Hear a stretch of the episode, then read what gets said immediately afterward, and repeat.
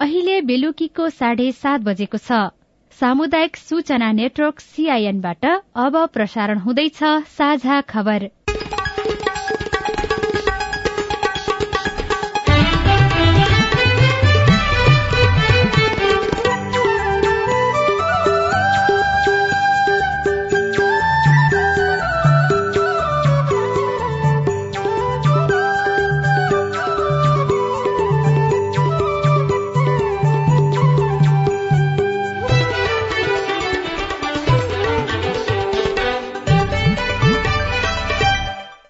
सीआईएनको साझा खबरबाट दीपक आचार्यको नमस्कार।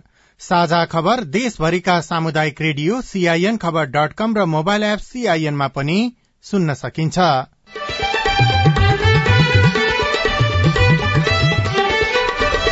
दलका प्रमुख नेताद्वारा अन्तिम चुनावी सभालाई सम्बोधन निर्वाचनको सम्पूर्ण तयारी पूरा भएको आएको भनाई बाइस गते भित्र निर्वाचनका सबै नतिजा सार्वजनिक हुने सात गतेको बेलुकासम्ममा फर्स्ट पास्ट द पोस्ट तर्फको सबै त्यसपछिको पाँच दिनभित्रमा समानुपातिक तर्फको सबै मतगणना सक्ने गरी योजना बनाएका छौं।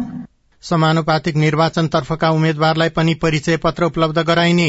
आज राति बाह्र बजेदेखि निर्वाचनको स्थिर समय लागू हुँदै प्रचार गर्न नपाइने अवधिमा उम्मेद्वारको प्रभावमा नपर्न सुझाव।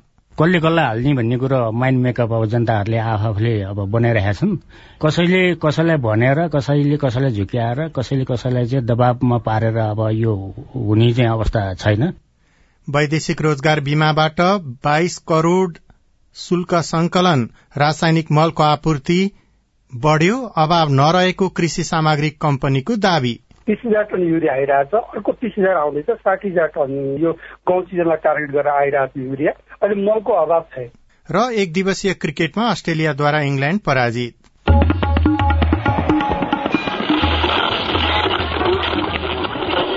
सयौं रेडियो। हजारौं रेडियो कर्मी र करोड़ौं नेपालीको माझमा यो हो सामुदायिक सूचना नेटवर्क सीआईएन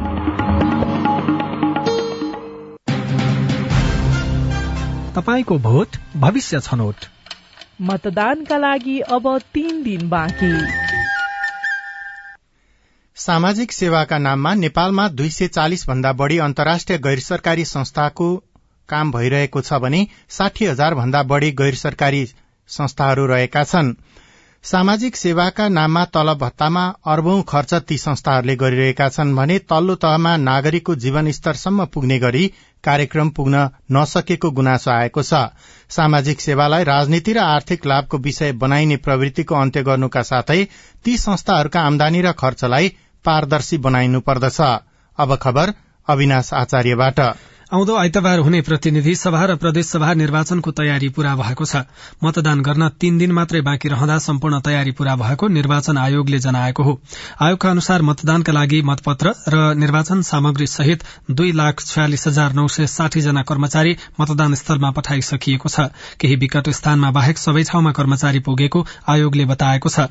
मतदान केन्द्रमा पुगेका मतदान अधिकृतबाट सर्वपक्षीय बैठक राख्ने मतदान केन्द्रको क्षेत्र तोक्ने प्रचार प्रसार गर्न निषेध गरेको सूचना प्रकाशन गर्ने जाँड रक्सीलाई निषेध गर्ने तथा हात हतियार लिएर हिँड्न र प्रयोग गर्न नदिने लगायतका विषयमा आवश्यक तयारी भइरहेको प्रमुख निर्वाचन आयुक्त दिनेश कुमार थपलियाले बताउनुभयो। उहाँले आगामी बाइस गते भित्र निर्वाचनको सम्पूर्ण नतिजा सार्वजनिक गर्ने गरी तयारी गरिएको समेत जानकारी दिनुभयो। तीन दिन भित्रमा भनिसकेपछि चार गते बेलुका सबैतिर एकदम प्रभावकारी ढंगले निर्वाचन सम्पन्न भइसक्छ।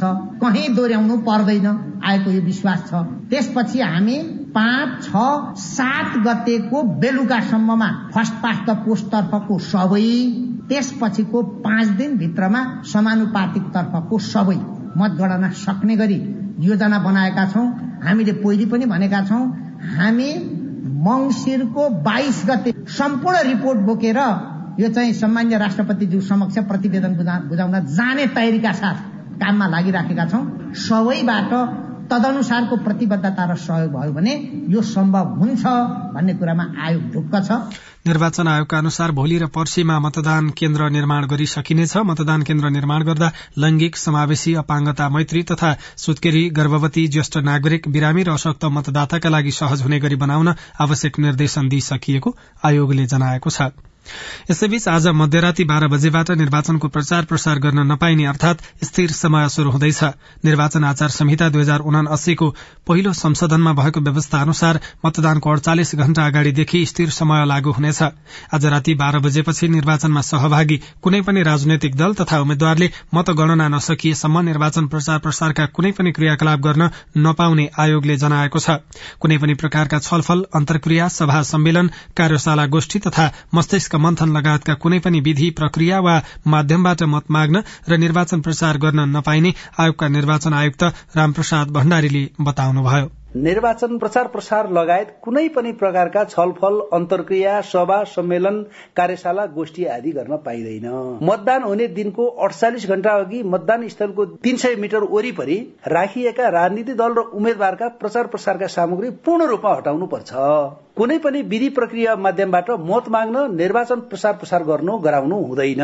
सामाजिक सञ्जाल अनलाइन छापा वा अन्य कुनै माध्यमबाट राजनीतिक दल वा उम्मेद्वारको पक्ष वा विपक्षमा कुनै सन्देश सूचना प्रचार प्रसार सामग्री लगायतका पोस्ट गर्ने सेयर गर्ने लाइक गर्ने कमेन्ट गर्ने लगायतका कुराहरू सबै निषेध गरिएको छ त्यो कुनै पनि वस्तु गर्न पाइँदैन। राजनीतिक दल तथा उम्मेद्वार दलका भातृ संगठनको सामाजिक सञ्जाल मार्फत गरिएका विज्ञापन तथा प्रचार प्रसार सामग्री पूर्ण रूपमा हटाउनुपर्छ के पनि राख्नै भएन। यसअघि मौन अवधि भनिने यो अवधिलाई यसपटक निर्वाचन आयोगले स्थिर समय भनेको हो। प्रचार गर्नै नपाइने यो अवधिमा मतदातालाई प्रभाव पार्न उम्मेद्वारले गोप्य रूपमा गतिविधि गर्ने गरेको आरोप पनि लाग्ने गरेको छ। जसरी भए पनि जित्नै पर्छ भन्ने मनोविज्ञानका कारण कतिपय उम्मेद्वार र समर्थकले प्रचार प्रसार गर्न नपाउने अवधिमा पनि मतदातालाई प्रलोभनमा पारिरहेका हुन्छन्। धनुषाका मतदाता गुञ्जन झा यही अवधिमा नेता कार्यकर्ता अझ बढ़ी सक्रिय हुने गरेको अनुभव सुनाउनुहुन्छ। मौन अवधिको समयमा भोज भतेर गर्ने नोट मात्ने यस्ता कार्यहरू पहुँचवाला अलिक बोलवाला नेताहरूले अलिक धेरै गरेको पाइन्छ। अनुगमन गर्ने निकाय पनि स्ट्रङ नभएको हुनाले खुलेआम रूपमा गरेको पनि देखिन्छ। काभ्रे बनेपाका आत्मराम केसी पनि आयोगले मौन रहनु भने पनि उम्मेद्वार र उनीहरूका प्रतिनिधि अनेकौं आश्वासन बोकेर आउने गरेको बताउनुहुन्छ। यसलाई रोक्न मतदाता नै सचेत हुनुपर्ने उहाँको भनाइ छ। भोट कसले कसलाई हाल्ने भन्ने कुरो माइन्ड मेकअप अब जनताहरूले आफूले अब बनाइरहेका छन्। कसैले कसैलाई भनेर कसैले कसैलाई झुक्याएर कसैले कसैलाई चाहिँ दबावमा पारेर अब यो हुने चाहिँ अवस्था छैन। स्थिर अवधिमा छलफल अन्तर्क्रिया सामाजिक सञ्जाल संचार माध्यम लगायत कुनै पनि माध्यमबाट निर्वाचनको प्रचार गर्न पाइँदैन। यस्तै मतदान स्थलको ओरपरका प्रचार सामग्री हटाउनुपर्छ। बाजागाजा बजाउन नाचगान गर्न भोज भतेर गर्न जुलुस र कुनै पनि सभा समारोह गर्न पनि पाइँदैन। निर्वाचन आयोगका सहायक प्रवक्ता सूर्य प्रसाद अर्याल। मतलाई प्रभाव पार्न दिइने खालका गतिविधिहरू हुन सक्ने सम्भावित क्षेत्र समूह पहिचान गरेर स्थानीय प्रशासन बढी सक्रिय भएर अलिक चनाखो भएर नियमन कार्यलाई बढी प्रभावकारी बनाउनु पर्दछ। प्रचार गर्न नपाइने भए पनि मतदातालाई नगद वितरण वा भोज भतेर गरेर मतदातालाई प्रभावित पार्ने गरेको आरोप उम्मेद्वार तथा दललाई लाग्ने गर्छ। तर एकजना पर्यवेक्षक राम पन्त भने कुन उम्मेद्वार वा पार्टीलाई मतदान गर्ने भन्ने विषय आफ्नो अधिकार भएकाले मतदाता नै सचेत बन्नुपर्ने बताउनुहुन्छ। राजनीतिक दलहरू पनि सचेत हुनु पर्यो र समग्रमा संचार माध्यमहरू पनि त्यही रूपले सचेत भएर यदि त्यस्तो सूचनाहरू उपलब्ध छ भने सम्बन्धित निकायमा जानकारी गराउने। आज मध्यरातीबाट निर्वाचनको दिनसम्म कुनै पनि उम्मेद्वार वा उनीहरूका समर्थक मत माग्न आए वा कुनै लोभ लालच देखाए प्रहरी वा निर्वाचन कार्यालयमा जानकारी गराउनुपर्छ। यो सचेत मतदाताको दायित्व हो। गृहमन्त्री बालकृष्ण खाँड विरूद्ध रूपन्देही स्थित मुख्य निर्वाचन अधिकृतको कार्यालयमा उजुरी परेको छ। रूपन्देही तीनबाट प्रतिनिधि सभा सदस्यका उम्मेद्वार समेत रहनुभएका मन्त्री खाँड विरूद्ध अधिवक्ता तारा बरालले बहुविवाहको उजुरी दर्ता गराउनु भएको हो। गएको चार महिनामा एक लाख तीस हजार मेट्रिक टन भन्दा बढ़ी रासायनिक मल नेपाल भित्रिएको छ।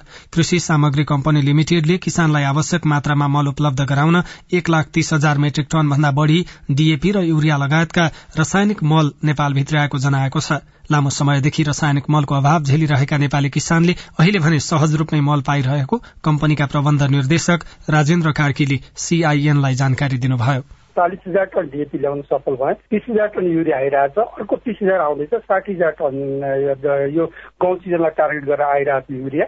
अहिले मलको अभाव छ यो सम्पूर्ण हस्तान्तरण चाहिँ वितरण गर्ने यो यो नियमन गर्ने अनुगमन गर्ने जिम्मा चाहिँ स्थानीय तल सोचेको छ। यो एकदम सहज छ बिक्री प्रणाली पारदर्शक छ पहिलेको जस्तो छैन। उहाँले आफ्नो कोटाको मल लानुहुन्छ आफ्नो पालो कुर्दिनु होला पालोमा बस्नु होला एकैचोटि भिडभाड नगर्नु होला। अब हामी पनि व्यवस्थापन गर्नुपर्ने हुन्छ हाम्रो अहिले बिक्री सफ्टवेयर इन्ट्री गर्नुपर्ने हुन्छ। कसले कति बोरा लग्यो सम्पूर्ण रेकर्डहरू हामी केन्द्रमा बसेर अनुगमन गरिरहेको हुन्छौँ त्यस्तो छैन हाम्रो। जीवन बीमा कम्पनीहरूले चालू आर्थिक वर्षको पहिलो त्रैमासिकमा वैदेशिक रोजगार म्यादी जीवन बीमा लेखबाट बयासी करोड़ रूपियाँ भन्दा बढ़ी बीमा शुल्क संकलन गरेका छन्। नेपाल बीमा प्राधिकरणले जारी गरेको चालू आर्थिक वर्षको प्रथम त्रैमासिकमा बयासी करोड़ उनासत्तरी लाख रूपियाँ कुल बीमा शुल्क आर्जन भएको देखिएको हो। उक्त रकम संकलन गर्नेमा दसवटा जीवन बीमा कम्पनी रहेको प्राधिकरणले जनाएको छ। यो अवधिमा वैदेशिक रोजगार म्यादी बीमा लेखामा एघार लाख अडसठी हजार दुई सय त्रिहत्तरवटा सक्रिय रहेका छन्। बीमा प्राधिकरणको निर्देशन अनुसार जीवन बीमा कम्पनीले वैदेशिक रोजगार म्यादी जीवन बीमा लेख बिक्री गर्दै आएका छन्। नेपालका उन्नाइसवटा जीवन बीमा कम्पनी मध्ये सत्रवटाले वैदेशिक रोजगार बीमा गर्दै आएका छनृ। साझा खबरमा अब विदेशको खबर गत वर्षको तुलनामा बंगलादेशको प्रति व्यक्ति आयमा वृद्धि भएको छ। बंगलादेश सरकारले जारी गरेको पछिल्लो तथ्याङ्क अनुसार बंगलादेशको प्रति व्यक्ति आय करिब दुई सय तेत्तीस अमेरिकी डलरले वृद्धि भएको हो। गत आर्थिक वर्ष बंगलादेशको प्रति व्यक्ति आय दुई हजार पाँच सय एकानब्बे डलर रहेकोमा बढ़ेर अहिले दुई हजार आठ सय चौविस अमेरिकी डलर पुगेको हो। प्रधानमन्त्री शेख हसिनाको अध्यक्षतामा बसेको मन्त्री परिषदको बैठकमा प्रस्तुत गरिएको प्रतिवेदन अनुसार दुई हजार एक्काइस बाइसमा बंगलादेशको कुल गारस्थ उत्पादन समेत बढ़ेर सात दशमलव दुई पाँच प्रतिशत पुगेको छ। र एउटा खेल खबरमा एक दिवसीय क्रिकेटमा अस्ट्रेलियाले इंग्ल्याण्डलाई छ विकेटले हराएको छ। यससँगै एक दिवसीय खेलको श्रृंखलामा घरेलु टोलीले एक शून्यको अग्रता बनाएको छ। टी ट्वेन्टी विश्वकप को विजेता इंग्ल्याण्डले दिएको दुई सय अठासी रनको लक्ष्य अस्ट्रेलियाले छयालिस ओभर पाँच बलमा चार विकेट गुमाएर पूरा गर्यो। अस्ट्रेलियाका डेभिड वार्नरले छयासी र ट्राभिस हेडले उनसत्तरी रन बनाउनुभयो। पहिले ब्याटिङ गरेको इंग्ल्याण्डका डेभिड मालनले एक सय चौतिस रन बनाउनु भएको थियो।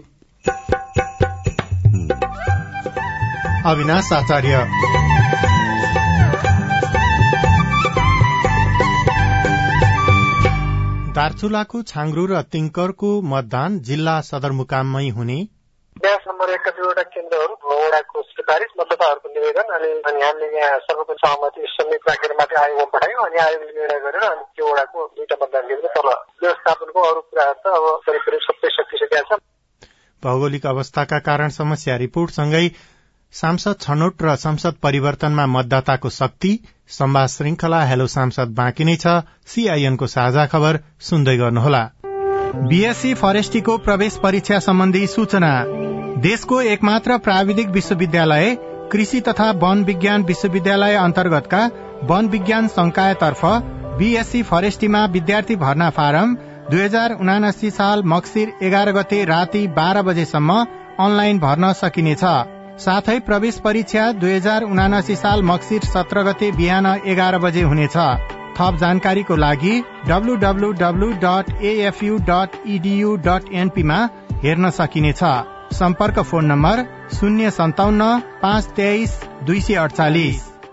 आगामी मंगिर चार गते हुने प्रतिनिधि सभा तथा प्रदेश सभा सदस्य निर्वाचन मार्फत प्रतिनिधि सभा र सातै प्रदेश सभाले निर्वाचित सदस्य प्राप्त गर्नेछन्। मतदाता नामावलीमा नाम दर्ता भई मंगिर तीन गते अठार वर्ष उमेर पुग्ने नेपाली नागरिकले मंगिर चार गते आइतबार बिहान सात बजेदेखि बेलुका पाँच बजेसम्म मतदान गर्न सक्नेछन्। मतदाताले प्रतिनिधि सभाका लागि पहिलो हुने निर्वाचित हुने निर्वाचन प्रणालीतर्फ एक मत र समानुपातिक निर्वाचन प्रणालीतर्फ एक मतका साथै प्रदेश सभा सेवाका लागि पनि पहिलो हुने निर्वाचित हुने निर्वाचन प्रणालीतर्फ एक मत र समानुपातिक निर्वाचन प्रणालीतर्फ एक मत गरी छुट्टा छुट्टै चारवटा मतपत्रमा एक एक छाप लगाउनु पर्नेछ निर्वाचनमा मतदान मार्फत आफूले चाहेको प्रतिनिधि छान्न सकिने हुँदा यो महत्वपूर्ण छ। त्यसैले सक्षम इमान्दार र योग्य उम्मेद्वारलाई मतदान गरी मताधिकारको सदुपयोग गरौं।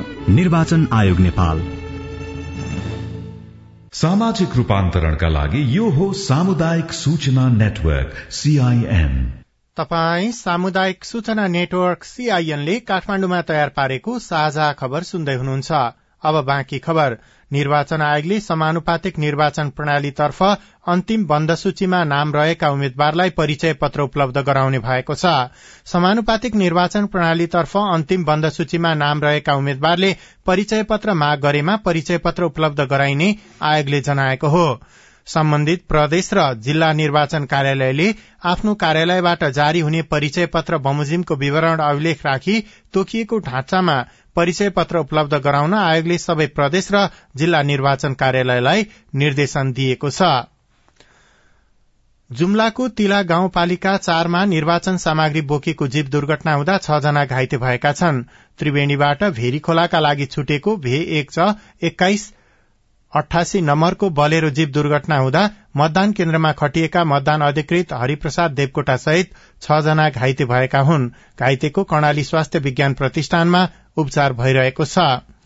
दार्चुलाको ब्यास गाउँपालिका एकमा पर्ने छाङ्रू र तिङकरको निर्वाचन जिल्ला सदरमुकाम खलंगामै हुने भएको छ।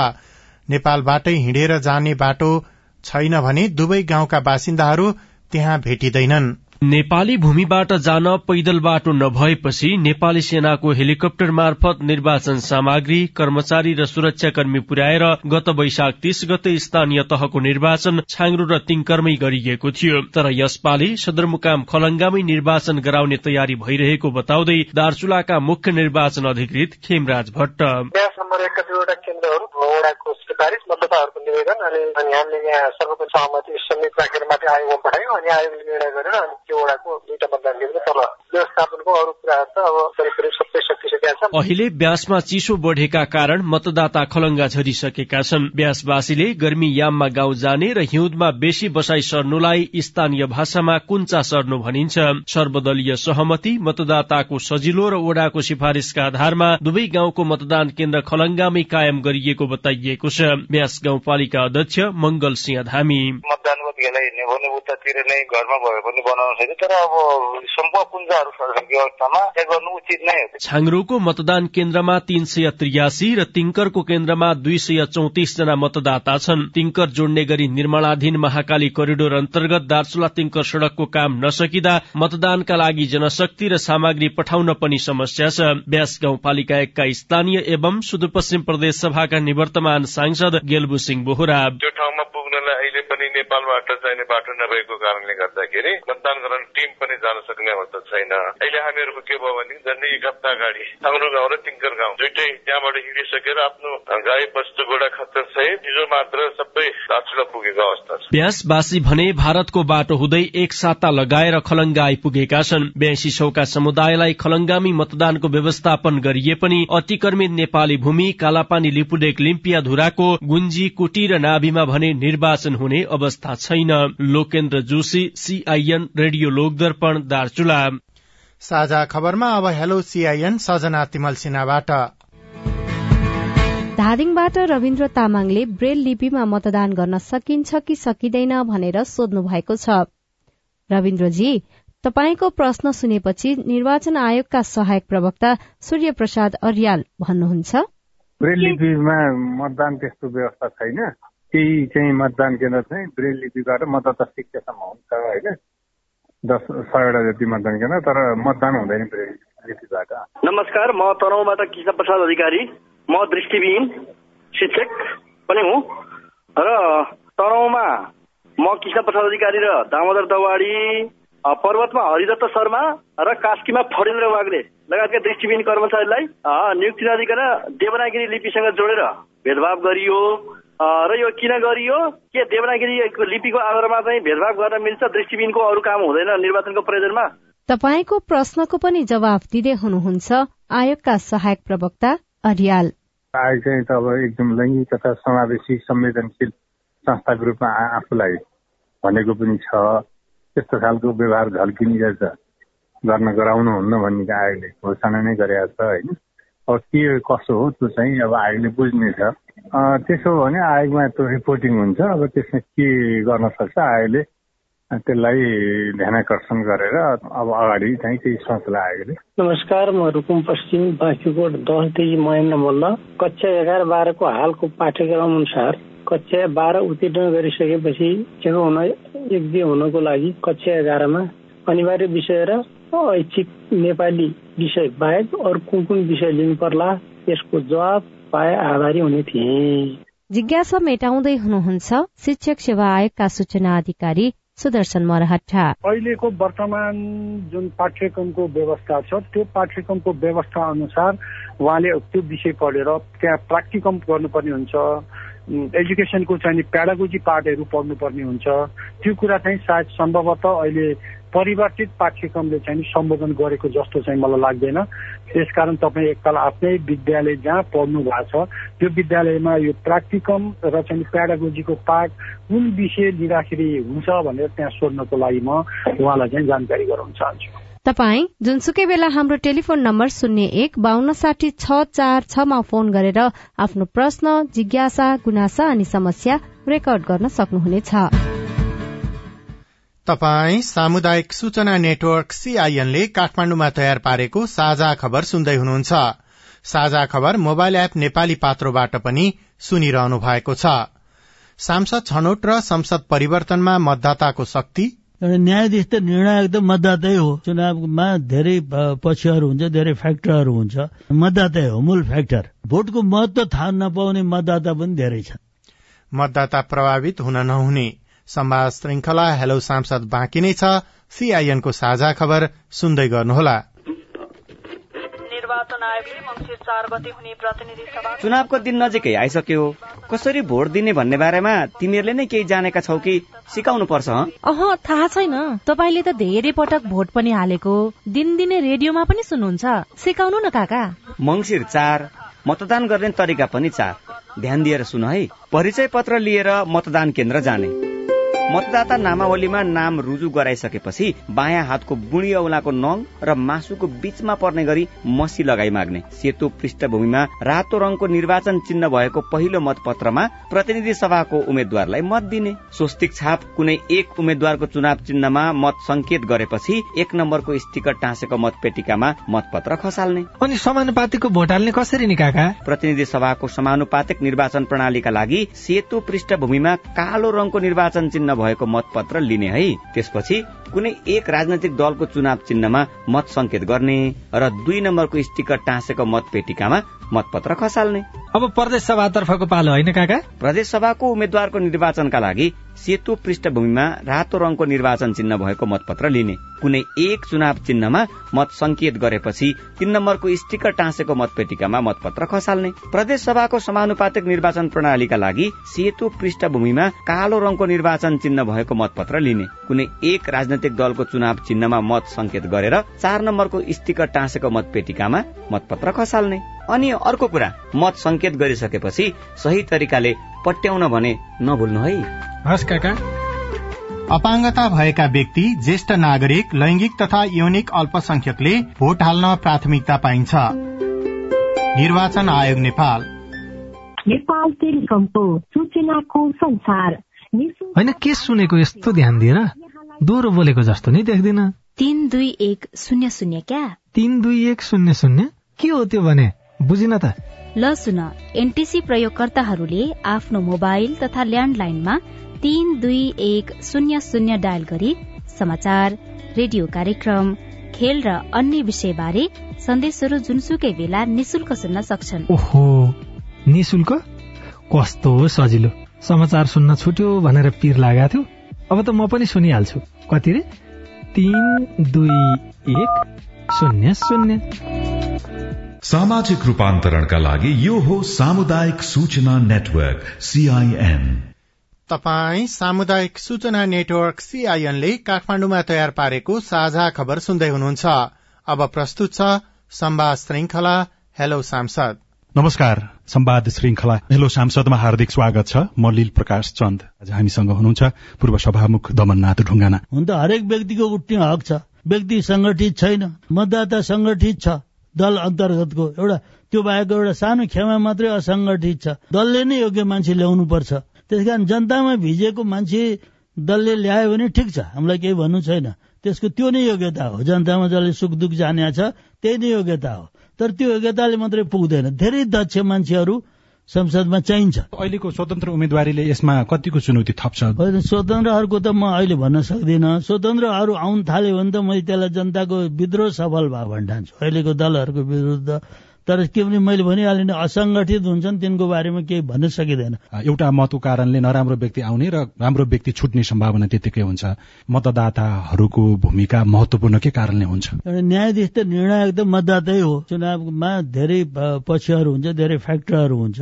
मतदातै हो मूल फ्याक्टर। भोटको महत्व थाहा नपाउने मतदाता पनि धेरै छन्। त्यो के भने बहकामा लाग्ने प्रलोभनमा पर्ने मतदाताहरू पनि धेरै छन्। जति दोष भए पनि चलाउँदै जानुपर्छ। त्यसको विकल्प छैन। तर त्यसकारण त्यो नागरिक शिक्षा हुनु पर्यो बहुत राम्रोसँग। मतदाता शिक्षा। मतदाता शिक्षा हुनु पर्यो त्यो खालि चुनावको बेला मात्रै गरेर भएन त्यो वर्षै दिन हुनु पर्यो सरकारको एउटा मन्त्रालय हुनु पर्यो त्यसको लागि राम्रो बजेट कर्मचारी हुनु पर्यो यो गरिबी र भोला भाला सिधा सादा जनता भए ठाउँमा थाहा भइरहेछ मान्छे खाइरहेछ। त्यो भोज भनेको उसैलाई भोट दे भन्ने हो त्यो। त्यो आचार संहिता उल्लङ्घनै हो ती बोझहरू स्थिर समयावधि सुरु हुँदैछ अब। यो बेलामा विशेष गरी मतदाता र मतदान प्रक्रियासँग सम्बन्धित सरकारवाला निकायले ध्यान दिनुपर्ने कुरा के हो? तीन दिनको समय जुन छ मौन अवधि प्रलोभनमा पारेर भोट ब्याङ्कहरू धेरै सक्रिय हुनेहरू अवस्था हुन्छ। त्यो चाहिँ निर्वाचन आयोग र सबैको समग्र सजगता हुनुपर्छ। समाजमा जान्ने बुझ्ने व्यक्ति त्यो वर्ग छ। उनीहरूको भूमिका अडचालिसदेखि अहिलेसम्म निर्वाचन आयोगलाई अथवा निर्वाचनलाई धाँधली रहित र स्वच्छ बनाउनको लागि सकारात्मक हुँदै गइराखेको हो कि अथवा त्यही वर्गबाट नै प्रभावित हुन सक्छ? पार्टीहरूले हो सांस्कृतिक जागरण ल्याउने कुरो हो है। अरू त आफै जागृत भइहाल्छ। तर के छ भने यो मोटिभेटेड गर्न सकेन। खास गरी जाने जो सक्रिय हुनुपर्ने एउटा पठित सचेत आर्थिक रूपमा सम्पन्न वर्गलाई यो दल यो परिवर्तनप्रति मतदाताले र जागृत नागरिकले मत गर्ने राष्ट्रलाई यो प्रजातन्त्रको जग हाल्ने कुरामा धेरै गर्ने कुरा छ। आदर्श नेतृत्व अथवा आदर्श उम्मेद्वार नपाउँदाखेरि मतदाता बहकिने डर हुन्छ? परिवर्तनपछि एउटा नयाँ वातावरण आउनुपर्छ। सामान्य नागरिकदेखि एउटा गरिब किसानसम्म देश निर्माणको बेला आयो भने आफ्नो आफ्नो चेतनाको स्तर अनुसार योगदान गर्नुपर्छ। त्यो परिवर्तनलाई साकार रूप दिन उसले आफ्नो क्षेत्रबाट काम गरिरहनुपर्छ। योगदान गरे हुनु एउटा माहौल बनाउनुपर्छ। संसदमा कस्ता व्यक्ति जान्छन् भन्ने अहिले उम्मेदवारीले देखाउँछ तर निर्वाचनले अन्तिम दृश्य देखाउने हो। कसरी लिइराख्नु भएको छ? जस्तो कि स्थानीय निर्वाचनमा एउटा असन्तुष्टि व्यापक रूपमा व्यक्त भएको थियो। अब दलहरूले त्यसमा विचारै नगरेर निर्वाचनमा गए। जनमतको ठुलो महत्व हुन्छ। के भने हरेक अग्रगामी परिवर्तनले धेरै आकांक्षा जगाइरहेछ। त्यो आकांक्षा चाहिँ नि राज्यका इन्द्रहरूले पूरा गर्न सकिरहेछन् त्यस कारण आम जनता र त्यो राज्यमा बस्नेहरू पदासीनको बीचमा ठुलो चाहिँ अन्तर हुँदै गइरहेछ। स्थानीय तहको निर्वाचनको सन्देश के थियो? पाँच वर्षको मूल्याङ्कन उनीहरूले गरेका थिए।